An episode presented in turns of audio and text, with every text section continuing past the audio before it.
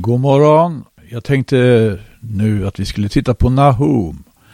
Nahum, en av profeterna i Gamla Testamentet. Och hur kommer han till uttryck i Nya Testamentet? Han citeras aldrig direkt. Även eftersom Även om det är så att eftersom han är profet så kommer naturligtvis ämnena han berör också att komma till uttryck i Nya Testamentet. Och det är några frågor här som inte kanske är så alldeles lättillgängliga, ligger liksom inte på ytan. Om vi, om vi tittar på Nahums bok så består ju den av tre kapitel. Och Nahum, han har liksom Jona före honom hade ett budskap till Nineve. Han kommer med ett budskap som inte först och främst riktar sig till Israel eller Jerusalem. Han, han bara snuddar lite vid, eh, vid eh, Israel och anspelar på löften om upprättelse. Allt under det han dundrar mot Nineve. Han dundrar mot Nineve. Ett budskap som är ganska så starkt. Han inleder på det här sättet. Det står ifrån början i första kapitlet att detta är en utsaga om Nineve. Den bok som innehåller Elkositen Nahums syn. Elkositen Nahums syn. Vad betyder det att han var Elkosit? Han kommer från Elkos. Elkosit. El, det har ju med Gud att göra. Och Elkosit på något sätt Eh, det kan översättas som Gud snärjaren. Gud snärjaren. Oj, en negativ bild av Gud här på en gång. Han fortsätter Herren är en nitälskande Gud och en hämnare. Ja, en hämnare är Herren, en som kan vredgas. En hämnare är Herren mot sina ovänner. Vrede behåller han mot sina fiender. Ibland presenteras ju Gud på det här sättet. Som en hämnare. Det finns även en psalm där det här, eh, den här bilden av Gud lyfts fram. Det är 94 salmen i Psaltaren. Det står Du hämndens Gud, o Herre. Du hämndens Gud, träd fram i glans. Men jag tänkte på det här uttrycket Herren är en nitälskande Gud. Och det här ämnet om nitälskan, det går ju rätt igenom hela Bibeln. Det finns i Gamla Testamentet, det finns också i Nya Testamentet. Och om vi tittar lite grann på hur det här då ämnet om nitälskan, det är inte utan vidare det är ett stort ämne. Så att Gud är en nitälskare. Om vi börjar att se på några ställen i Gamla Testamentet så kan vi gå till Andra Mosebok till eh, det kapitel där vi finner de tio budorden. Då står det ju bland annat så här ifrån, ifrån den fjärde versen. Du ska icke göra dig något beläte eller någon bild vare sig av det som är uppe i himmelen eller av det som är nere på jorden eller av det som är i vattnet under jorden. Du ska icke tillbedja sådana, ej heller tjäna dem. Ty jag, Herren din Gud, är en nitälskande Gud som hemsöker fädernas missgärning på barn och efterkommande i tredje och fjärde led när man hatar mig. Men som gör nåd med tusenden när man älskar mig och håller mina bud. Ordet här för nitälskan. Det kan översättas också som att vara svartsjuk. Eller att i alla fall slå vakt om. Slå vakt. Att vara svart, att svartsjukt slå vakt om. Kan det vara så med Gud? Det här att han nitälskar, det står även senare i Andra Mosebok i 34 kapitels 14 vers. Det heter Ja, du ska icke tillbe någon annan Gud, ty Herren heter nitälskare. En nitälskande Gud är han. Och i femte Moseboks fjärde kapitel, vers 24. Ty Herren din Gud är en förtärande eld. En nitälskande Gud. Eh, frågan om nitälskan ser vi då några exempel på hur det kan komma till uttryck. Vi håller oss till Gamla Testamentet en stund till. Det var nämligen så i fjärde Mosebok kan vi läsa om hur Mose ropar till Gud och klagar över att han känner sig så ensam i sin uppgift. Men Gud ger honom då ett uppdrag att utse några som ska tillsammans med honom bära på bördorna ansvaret för det, för det stora folk som har förts ut i öknen av Gud.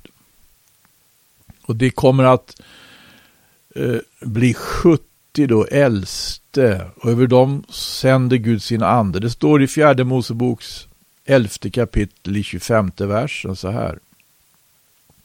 Då steg Herren ned i molnskyn och talade till honom och tog av den ande som var över honom och lät komma över de sjuttio äldste.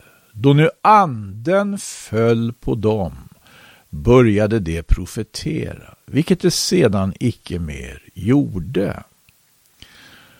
Och två män hade stannat kvar i lägret. Den ena hette Eldad och den andra Medad. Också på dem föll anden. För det var bland de uppskrivna, som ha, men hade likväl icke gått ut till tältet och det profeterade i lägret. Moses skrev alltså upp några som skulle vara honom behjälpliga och de fick Guds ande och även de som hade blivit uppskrivna men inte dök upp där de egentligen skulle dyka upp. Över också, också över dem föll anden, står det. Och de profeterade. Och då skyndade en ung man bort och berättade detta för Mose och sa Eldad och medad profetera i lägret. Josua, Nuns son, som hade varit Mose tjänare alltifrån sin ungdom, tog då till orda och sa Mose, min herre, förbjud dem det. Men Mose sa till honom, ska du så nitälska för mig? Ack, att fastmer allt Herrens folk bleve profeter, därigenom att Herren läte sin ande komma över dem. Nu, nu, nu, finner vi här alltså ett uttryck för nitälskan som inte riktigt får bli godkänt. Josua nitälskade står det för Mose. Och Mose ifrågasatte det. Ja. Ska du så nitälska för mig? Ack, att fast med allt Herrens folk bleve profeter därigenom att Herren läte sina ande komma över dem. Här är ju en bönesuck, en suck som verkligen når rakt in i Nya Testamentet därför att vad är det vi möter i Nya Testamentet? Om att, för det första så vidgas ju begreppet Guds folk. Från att alltså ha handlat om en nations gränser till att handla om alla som kommer till tro på Jesus, vilket folk, vilken nation de än talar, vilket vilken nation de än kommer från, vilket språk de än talar, alla som samlas omkring budskapet om Jesus, den uppståndne. De kommer att utgöra Guds folk, det Nya Testamentets eklesia, Nya Testamentets församling. Mose suckar, ack att fast med allt Herrens folk blev profeter. Därigenom att Herren lät sina ande komma över dem. Och i Nya Testamentet, i första Korintierbrevet skriver ju aposteln Paulus till korintierna, som är greker, att de ska vara ivriga att undfå de andliga gåvorna. Och inte minst då profetians gåva, som är ägnad åt att uppbygga hela församlingen. Nu var det Nahum vi skulle tala om. Och vi rör oss faktiskt i ett ämne här som Nahum kommer in på direkt. Jag ska ta ytterligare ett exempel från fjärde Mosebok. Hur nitälskan kan ta sig uttryck här på ett sätt som blir godkänt fast det faktiskt är ganska så rått. Nu heter det så här i fjärde Moseboks 25 kapitel och vers 6. Att eh, en man av Israels barn kom och förde in bland sina bröder en midjanitisk, kvinna. det var ju party nu, det var par, Midjan hade lurat Israel att eh, med sina döttrar. Och en man, står av Israels barn och förde in bland sina bröder en midjanitisk kvinna inför Mose och Israels barns hela menighets ögon. Under det att dessa stod gråtande vid ingången till uppenbarelsetältet. När Pinahas, son till Eleasar, son till prästen Aron, såg detta stod han upp i menigheten och tog ett spjut i sin hand och följde efter den israelitiske mannen in i tältets sovrum och genomborrade de båda, såväl den israelitiske mannen som och kvinnan. Och Herren talade till Mose och sa, Pinehas, han som tog spjutet alltså, och gick in i tältet och genomborrade den här mannen och kvinnan också. Pinehas, han som är son till prästen Arons son Eleasar. Han har gjort något avskyvärt. Nej, det sa inte Gud. Han sa har avvänt min vrede från Israels barn i det att han har nitälskat bland dem så som jag nitälskar. Därför har jag icke i min nitälskan förgjort Israels barn. Det står att Mose och flera med honom stod och grät under den här festen pågick och under det att den här mannen kom med en midjanitisk kvinna. Eh, det, det här är ju ett uttryck för sorg över synden. Sorg över avfallet och över synden. Synden som har orsakat alltså att Jesus har måste dö. Jesus måste dö för att försona människorna med sin Gud och med sin skapare. Här kommer den här alltså Pinehas att nitälska på ett sätt som svarar mot Guds vrede. Hur Gud vredgas över, mot synden. Och det står att han hade nitälskat Pineas på ett sätt så som Gud nitälskar. Och därför så har Gud i sin nitälskan inte förgjort Israels barn. Här skulle det verkligen finnas anledning att stanna en stund inför korset och det stora med korset. Hur Gud genom Jesu död har försonat syndaren med sig själv. Vi ska titta på ett annat sammanhang nu när det talas om nitälskan i psalm 69. Psalm 69 det är verkligen en messiansk psalm som talar om Jesu lidande. Och det heter så här där i vers 9. Främmande har jag blivit för mina bröder och en främling för min moders barn. För nitälskan för ditt hus har förtärt mig och dina smädares smädelser har fallit över mig. Jag grät, ja min själ grät under fasta, men det blev mig till smälek. Det står i Johannes evangeliets andra kapitel. Nu talar jag om att Gud presenteras av Nahum som en nitälskande Gud. Och det stämmer verkligen överens med skriften i övrigt. I Johannes evangeliets andra kapitel, 16 vers läser vi att Jesus var i Jerusalem, i templet. Och där såg han de som köpte och sålde och de som sålde duvor bland annat, duvomånglarna. Och till duvomånglarna sa han, ta bort detta härifrån. Gör icke mitt, min faders hus till ett marknadshus. Hans lärjungar kom då ihåg att det var skrivet. Nitälskan för ditt hus ska förtära mig. Då tog judarna till orda och sa till honom, vad för tecken låter du oss se, eftersom du gör på detta sätt?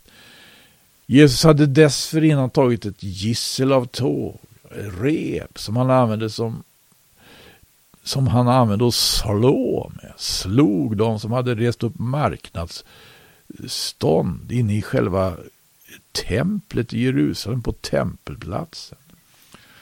Och här läser vi hur han också förebrådde duvomånglarna. Duvomånglarna skulle kunna uppfattas som en fredlig sysselsättning, den fredliga duvan. Men även de fick ta sina duvor och gå. Hans lärjungar kom ihåg att det var skrivet nitälskan för ditt hus ska förtära mig. Det kom till uttryck här även hos Jesus. En nitälskan som i psalm 69. Ja, det skulle faktiskt, borde inte förvåna då eftersom Jesus själv inte är någon mindre än Guds son. Och då, då kommer naturligtvis Gud uttrycka sig genom honom. Vi läser även att aposteln Paulus skriver till korintierna i andra Korintierbrevets elfte kapitel på detta sätt. Jag skulle önska att ni ville ha fördrag med mig. Om jag nu talar något litet efter dårars sätt. Dock, ni har helt visst fördrag med mig, för jag nitälskar för er så som Gud nitälskar och jag har trolovat er med Kristus och ingen annan för att kunna ställa fram inför honom en ren jungfru. Men jag fruktar att så som ormen i sin illfundighet bedrog Eva, så ska till äventyrs också era sinnen fördärvas och dragas ifrån den uppriktiga troheten mot Kristus. Aposteln nitälskar för Guds tankar, det som finns nedlagt i Guds skapelse. Från det Gud skapade människan och skapade människan till man och kvinna. Och hur det här sedan också, Guds tankar, kommer alltså att gå vidare genom historien, genom frälsningshistorien. Och vi har det här i Nya Testamentet uppfattningen om Jesus som brudgum. Som kommit i världen för att vinna åt sig en brud. Kristi brud. Eh, det blir aktualiserat vid flera tillfällen under Jesu verksamhet. Han bemöter någon gång fariseers och skriftlärdes klagomål och till och med Johannes lärjungar undrar varför de inte fastar Jesus och hans lärjungar. Han svarar då inte kan ni väl ålägga bröllopsgästerna att fasta medan brudgummen är hos dem. Brudgummen hade kommit. Bröllopsgästerna, det var det som samlades omkring honom. Och underförstått, bruden var också någonstans i närheten. Jesu Kristi brud, församlingen, nitälskan, aposteln nitälskar, för detta förhållande. Ja, vi har också i Nya Testamentet exempel på nitälskan som inte är god. Vi läste om nitälskan som var tveksam. Mose fick förebrå Josua när hans nitälskan gick till överdrift. Han nitälskade för Mose. Ja, det fanns ingen anledning tyckte han. Pinias nitälskade inte för Mose. Han nitälskade för Herrens lag. Och i Galaterbrevet läser vi aposteln Paulus skriver om en viss iver. Och det är samma ord som används som i, i grundtexten är selo, tror jag va? Selo. Vilket alltså på engelska blir seal. Och på svenska nitälskan eller iver. Det är ett sätt att översätta ordet. Det är samma ord som översätts med nitälskan, som översätts till iver, kan översättas också till svartsjuka. Galaterbrevets fjärde kapitel, vers 17. Man söker med iver. Han fick ju tillrättavisa Galaterförsamlingen och undervisa den och peka på hur de hade avfallit. De hade fallit ur nåd och de hade lyssnat till sådana som nitälskar för Mose lag och ville att de skulle hålla på Mose lag när det gäller sådana frågor som omskärelse. Kanske också sabbaten och sånt som inte den heliga ande ville lägga på hedningar som kommit till tro på Jesus. Han skriver så här, man söker med iver att vinna er för sig, men inte med en god iver. Alltså, han skulle lika gärna kunna skriva, man söker med nitälskan att vinna er för sig, men inte med en god nitälskan. Nej, det vill avspärra er från andra, för att ni med så mycket större iver ska hålla er till dem. Alltså, här kommer ju faktiskt också den meningen fram att nitälskan eller iver handlar om att slå vakt om, slå vakt om något, slå vakt om ett område. Det vill avspärra er från andra.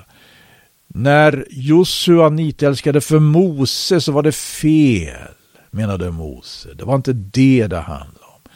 När, när Pineas nitälskade för Herrens, för Guds lag, så var inte det fel. Det var inte några människor framför allt han nitälskade för. Här har vi de som nitälskar för, står det, som vill avspärra er, Galaterförsamlingen, från andra för att ni med så mycket större iver ska hålla er till dem. Det var inte alls en god iver då, därför att det handlar om att knyta de troende till vissa människor, till vissa personer. Och inte till Kristus. Han suckar här i, vidare i Galaterbrevets 19 vers. Ni, mina barn, som jag nu åter med vånda måste föda till livet, intill dess att Kristus har tagit gestalt i er. Just det, intill dess att Kristus, det var Kristus det handlade om, inte några andra, inte några människor, vilka som helst. Eh, det här kan vi ju begrunda. Eh, de här uttrycken för nitälsken. Det var Nahum det handlade om. Vi tänker vi har alldeles glömt Nahum. Ah, vi har alldeles kommit bort från Nahum. Nej, vi har inte kommit bort från inledningen av Nahums bok. Därför där skriver han ju just om att Herren är en nitälskande Gud och som sagt han dundrar mot Nineve. Och det här är ju märkligt. De flesta profeter dundrar mot Israel eller mot Jerusalem, mot dess konungar och präster. Men den här profeten får i uppdrag att bära fram sitt budskap till Nineve. Men då har vi ju också någonting här av en föraning av Nya Testamentet. Därför då går ju budskapet, Guds budskap ut i hela världen till alla nationer. Det var faktiskt det Jesus sa till sina lärjungar då han hade fullbordat sitt verk och stod där mitt ibland dem så som uppstånden från de döda. Han sa gå ut i hela världen. Vi kan läsa i Markus evangeliet 16 kapitel. Gå ut i hela världen och predika evangelium för allt skapat. Den som tror och blir döpt, han ska bli frälst. Men den som icke tror, han ska bli fördömd. Och det här finns en föraning om då bara i det att en profet, en av Israels profeter, får ett budskap till ett hedna folk. Ja, och det är mer med Nahum. Jag kanske vi inte släpper Nahum riktigt än. Men jag tror att för den här gången så har tiden gått. Och jag får tacka för mig. Vi hade bibeldagar i Långshyttan, allhelgona helgen, helgen som ligger bakom. Och mötena, bibelstudierna, väckelsemötena finns inspelade. Vi kunde inte sända direkt men mötena spelades in och har nu också lagts ut på Maranataförsamlingens hemsida. Går du in på maranata.se så kommer du snart att hitta var du kan klicka dig fram för att komma till de mötena. Ja, jag får tacka för mig för den här gången. Gud välsigne var och en.